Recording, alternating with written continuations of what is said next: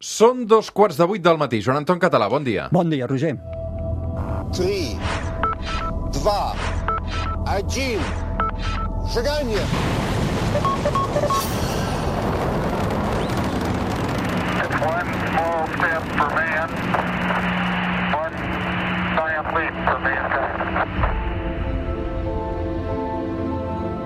Joan Anton Català, bon dia, bona hora. Bon dia, Roger. Com està, Joan Anton? Molt bé, molt bé. Això és la Terra Esplana cada diumenge a l'hora que surt el sol mirem cap al cel. Avui ens fixem, atenció, en un estudi que s'ha publicat fa poc a la revista Nature eh, i que ha revolucionat el que sabem sobre la Terra. Segons aquest estudi, a l'interior del nostre planeta hi haurien enormes fragments intactes de l'objecte que va impactar contra la Terra. És a dir, el mateix que va crear la Lluna. Avui, en comptes d'anar cap al cel, anem a l'interior de la Terra.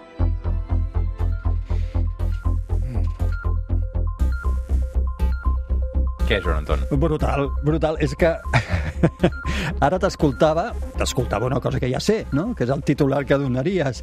I és que són d'aquells titulars que hauríem d'estar tots eh, al carrer pràcticament demanant més informació d'això. Tu t'imagines el que és?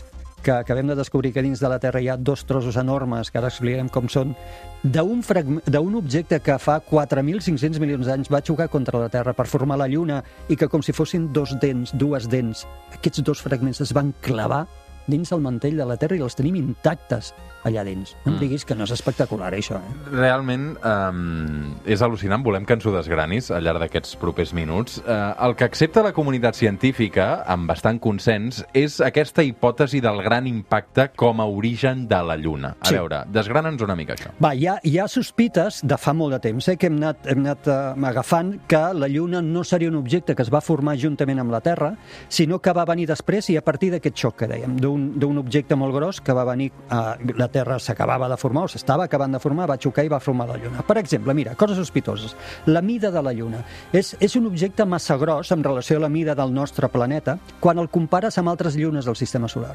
Hi ha llunes de Júpiter o de Saturn, sent Júpiter o Saturn molt més grosses que la Terra, que tenen una mida, si fa o no fa, com la Lluna. No és normal que tinguem una Lluna tan grossa.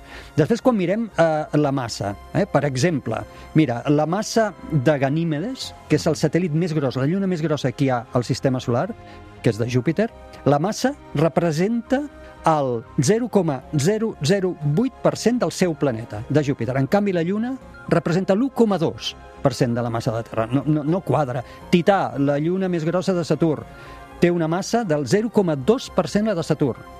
La Lluna, repeteixo, 1,2 de la massa de la Terra. Per tant, ja, d'entrada, la massa i la mida de la Lluna no, no ens quadren.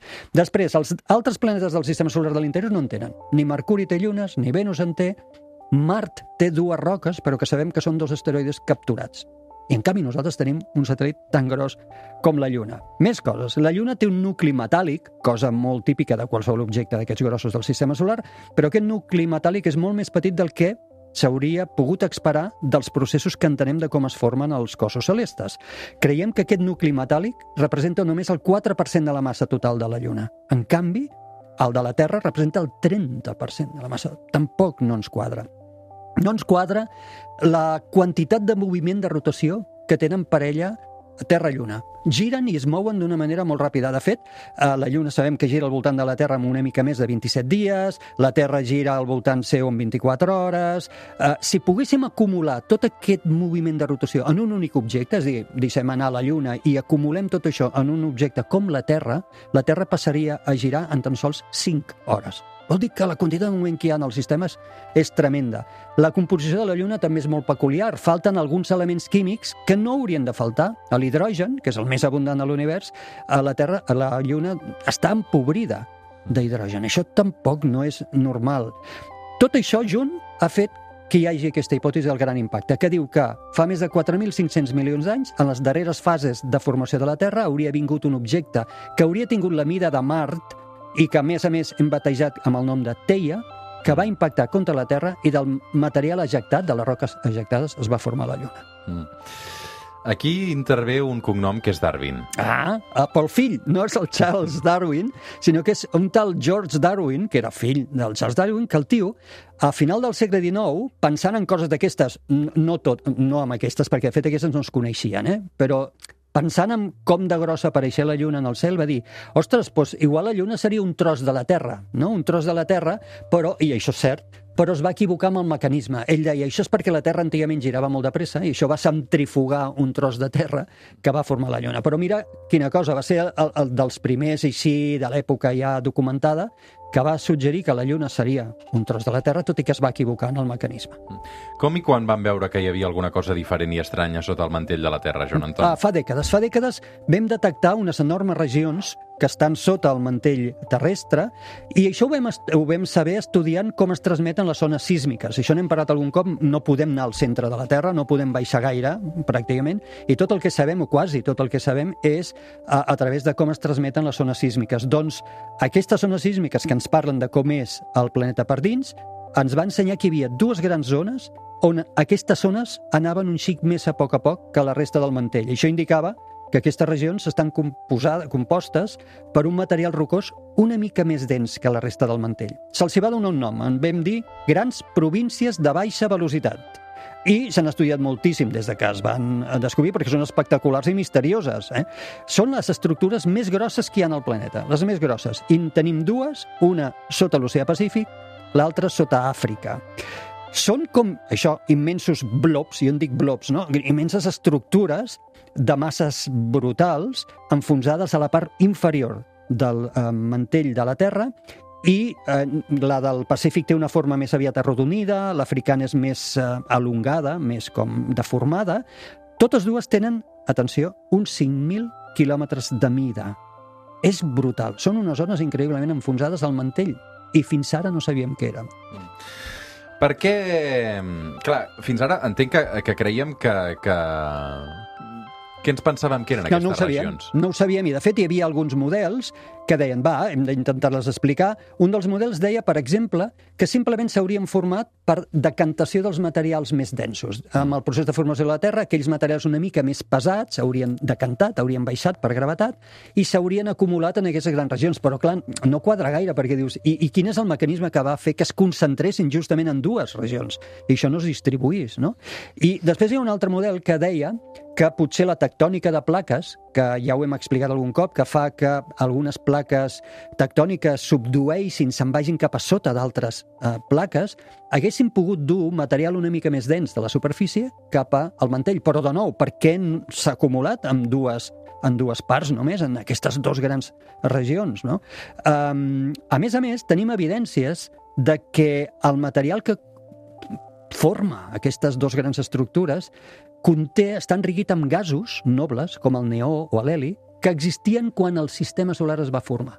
Per què aquestes dues zones només tenen aquest enriquiment de gasos? Per tant, cap dels models que teníem ens acabava de funcionar per explicar què eren aquestes estructures. Avui amb el Joan Anton Català viatjant a l'interior de la Terra.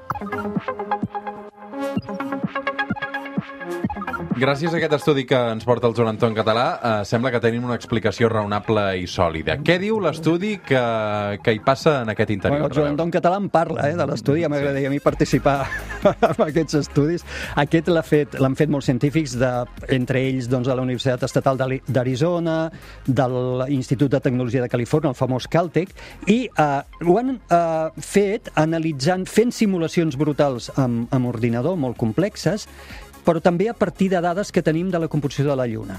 I tot això ho han posat xup-xup amb ordinadors i treballant sobre la hipòtesi de l'impacte aquest, és a dir, han basat, s'han basat en, val, aquesta hipòtesi de l'impacte va existir, la Lluna és conseqüència d'aquest xoc, eh, i han pogut realitzar un munt de càlculs. Per exemple, els seus, les seves simulacions mostren que el mantell rocós d'aquell objecte que anem anomenat Teia i que va xocar contra la Terra era una mica més dens que el mantell terrestre, entre un 2 i un 3,5 més dens. En aquest impacte tan bèstia, per tant, fragments, Teia s'hauria fragmentat i dos grans fragments de teia, com que són més densos, més pesats, s'haurien enfonsat com si fossin dents, s'haurien clavat al mantell de la Terra i s'haurien submergit fins la part interior més profunda del mantell. Això hauria passat fa més de 4.500 milions d'anys. La resta de teia s'hauria mesclat amb el nostre mantell i una part hauria format la Lluna. És a dir, fins aquí la hipòtesi de la Lluna. Ve un, ve un objecte, teia, xoca, roques que se'n van a l'espai, aquestes roques són part de la Terra i de teia, formen la Lluna, però dos grans trossos de teia queden intactes, que això és la cosa, intactes a les profunditats del mantell eh, submergits en allà. Això ens explica, ens explicaria la composició d'aquestes zones. També ens quadraria amb el fet d'aquesta composició de gasos que deia abans Nobles, perquè eh, Teia hauria pogut retenir en el mantell neó o heli, aquests gasos que deia del moment de la formació de la Terra, i en el moment en què aquestes dues estructures s'enfonsen al mantell de la Terra, allà tenim material una mica més enriquit d'aquest gas. Segons aquest estudi, Joan Anton, um, explicaria també la composició del Sí. mantell del nostre planeta, no? Del per- mantell. Sí, del mantell, sobretot de la diferenciació, de dues parts del mantell. Eh? Una part eh, que una inferior composada per material més sòlid i una superior una mica més semifluid. I, I com pot ser que aquests fragments hagin quedat tan perfectament conservats després de tants anys? És, és sorprenent. És a dir, de fet, costa, costa imaginar que durant 4.500 milions d'anys hagin pogut sobreviure pràcticament intactes el que serien fòssils d'aquest teia, no? d'aquest objecte. Jo això li vaig consultar a la Marina Martínez, que és doctora en Ciències Planetàries i de la Terra, que de fet és una de les científiques joves catalanes que estat seleccionada per la NASA per formar part de l'equip que analitzarà les mostres lunars que portarà la missió Artemis 3. I ella eh, també estava sorpresa, evidentment, i em va dir que tot això potser el que demostraria és que els processos de convecció, que recordem que la convecció és el mateix que passa en una olla eh, d'aigua quan l'escalfem, que l'aigua calenta puja, l'aigua freda baixa i provoca aquest moviment de rotació que mescla el contingut de l'olla, doncs la convecció del mantell, que també mescla el contingut del mantell, no hauria funcionat de manera perfecta en el passat. I això és el que hauria permès que quedessin estructures no mesclades amb, amb la resta eh, de la, del mantell de la Terra. Ella diu que segurament això era perquè aquest mantell estava, es va dividir en aquestes dues parts de densitat diferent, eh? una part més sòlida cap al fons i una part més semifluida a dalt. Tot això que explica aquest estudi, Joan Anton, podria significar que aquestes col·lisions van ser més freqüents del que pensàvem? Sí, i, i l'estudi ho diu, eh? Literalment l'estudi diu, si això és veritat, si aquesta, aquesta hipòtesi és veritat, això podria haver passat en altres planetes i, per tant, dins dels planetes, potser hi podrien haver restes fòssils d'aquests antics impactes que hi va haver al començament del sistema solar. I, de fet, més d'una vegada has explicat que, gràcies a aquests impactes que va viure la Terra als seus eh, primers moments, avui som aquí, no? Aquest impacte que va formar la Lluna que no ens tocava, clar, és un impacte casual. Qui hagués dit no? que arribaria un objecte de la mida de mar i xocaria contra la Terra i ens donaria una Lluna que no ens tocava? Doncs la Lluna ens ha donat marees i les marees ens ha donat humans. Això m'ho explica molts cops. És a dir, la vida a la Terra existiria? Sí. Però la vida, les espècies vives que hi ha ara hi serien. Els humans hi serien? Probablement no, perquè l'evolució de la vida ha estat marcada per moltes coses. Una d'elles és que hi ha hagut marees. Sense lluna, les marees que tindríem serien molt més petitones, només provocades pel Sol, que està molt més lluny, i per tant és molt probable que la vida hagués evolucionat de manera diferent i nosaltres avui aquí no hi fóssim. Per tant, fixa-t'hi, eh? Teia, un impacte monstruós, dos grans regions submergides que ens parlen d'aquell cataclisme i una lluna que cada dia, quasi cada dia, veiem al cel i que ens explica que afortunats som de tenir vida. Mm. I, Joan Anton, um, no sé si donarà aquest descobriment per uh, nous capítols uh, cinematogràfics uh, enviats al centre de la Terra o... o... Uh, Sí, suposo que sí. De totes, de totes formes, ja ho dèiem, eh? no hem pogut mai baixar gaire. En vam dedicar un capítol, eh? Sí. ara no recordo la Ah, profunditat. perquè fa una calor de nassos, Clar, no? clar, i la nostra tecnologia no, parle, no permet baixar. I el que sabem de l'interior de la Terra és per les zones sísmiques, també per la composició dels magmes, de, diríem, quan hi ha erupcions volcàniques, també per la, per la geologia de les roques més antigues, no? que algunes d'aquestes roques, doncs, per la tectònica de plaques han- han- s'han format i ens han portat una mica d'informació del com és l'interior de la Terra, però al final allà no hi podem anar. Per tant, no sé si tampoc dona per gaires eh, coses de ciència-ficció en un moment en què ja seria enganyar molt, no? Poder fer un, tan, tan increïble no? que poguéssim baixar en un lloc on no podem baixar. Mira, fa poc vaig recuperar, eh, aquest estiu, de fet, vaig recuperar la, la pel·lícula, no l'havia vist, eh, del, del Banderes, eh, basada en la història real d'aquells miners que van passar, crec que van ser pràcticament tres mesos, miners xilens, Sí, sé la història, però no, no he vist la eh, pel·li. no sé quants dies eren exactament, crec Mhm. que el títol de la pel·li era els dies que havien passat, no sé si era una vuitantena de dies. Uau. Uh, però realment, uh, 80 dies atrapats Imagina't. al centre de la Terra, no al centre, però, però molt No. endins. No? Imagina't. De fet, quan ho pares a pensar, els humans, els humans som, som només animals de la superfície, Mm. però estem conquerint, o ens sembla que estem conquerint l'aire, volem, uh, les profunditats, baixem en pous, ens, a l'aigua ens submergim i nedem, i l'espai, uh, viatgem per l'espai. Per tant, fixa't quina cosa, eh? És una espècie que la natura l'ha format uh, bípeda, perquè anem amb dues cametes, per sobre de la superfície de la Terra i nosaltres desafiem la natura i intentem explorar, i ho fem, eh, àmbits que no són els nostres, cap avall, dins el mar, a les profunditats del mar, a l'espai, i volem. Mm. La pel·lícula és Los 33. No sé quants dies exactament hi van passar Val. dins atrapats els uh, miners xilens. En qualsevol cas, el, el que va ser un fenomen va ser que els poguessin rescatar en vida, Vida. després de tant de temps i com es van organitzar allà dins. No? Perquè, perquè mm, realment la capacitat de supervivència de l'espècie humana en una condició adversa i també aconseguir un rescat en un moment en què el sentit comú deia aquesta gent no ha sobreviscut. Mm -hmm. Em recorda el que em dius d'alguns casos que hi ha hagut, com a l'Apolo 13, no? gent que ha estat pràcticament morta a l'espai i s'han aconseguit salvar.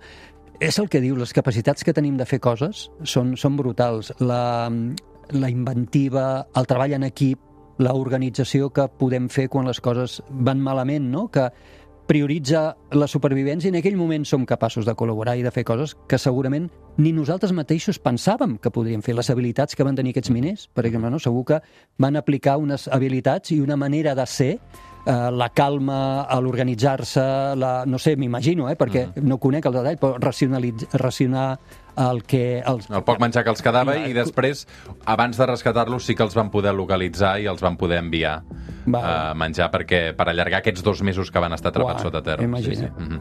Joan Anton Català, avui les restes de Teia dins la terra. Una abraçada, Joan Igualment, Anton. Roger. Parlem d'aquí una estona. Fins Molt ara. bé. Ara tornem.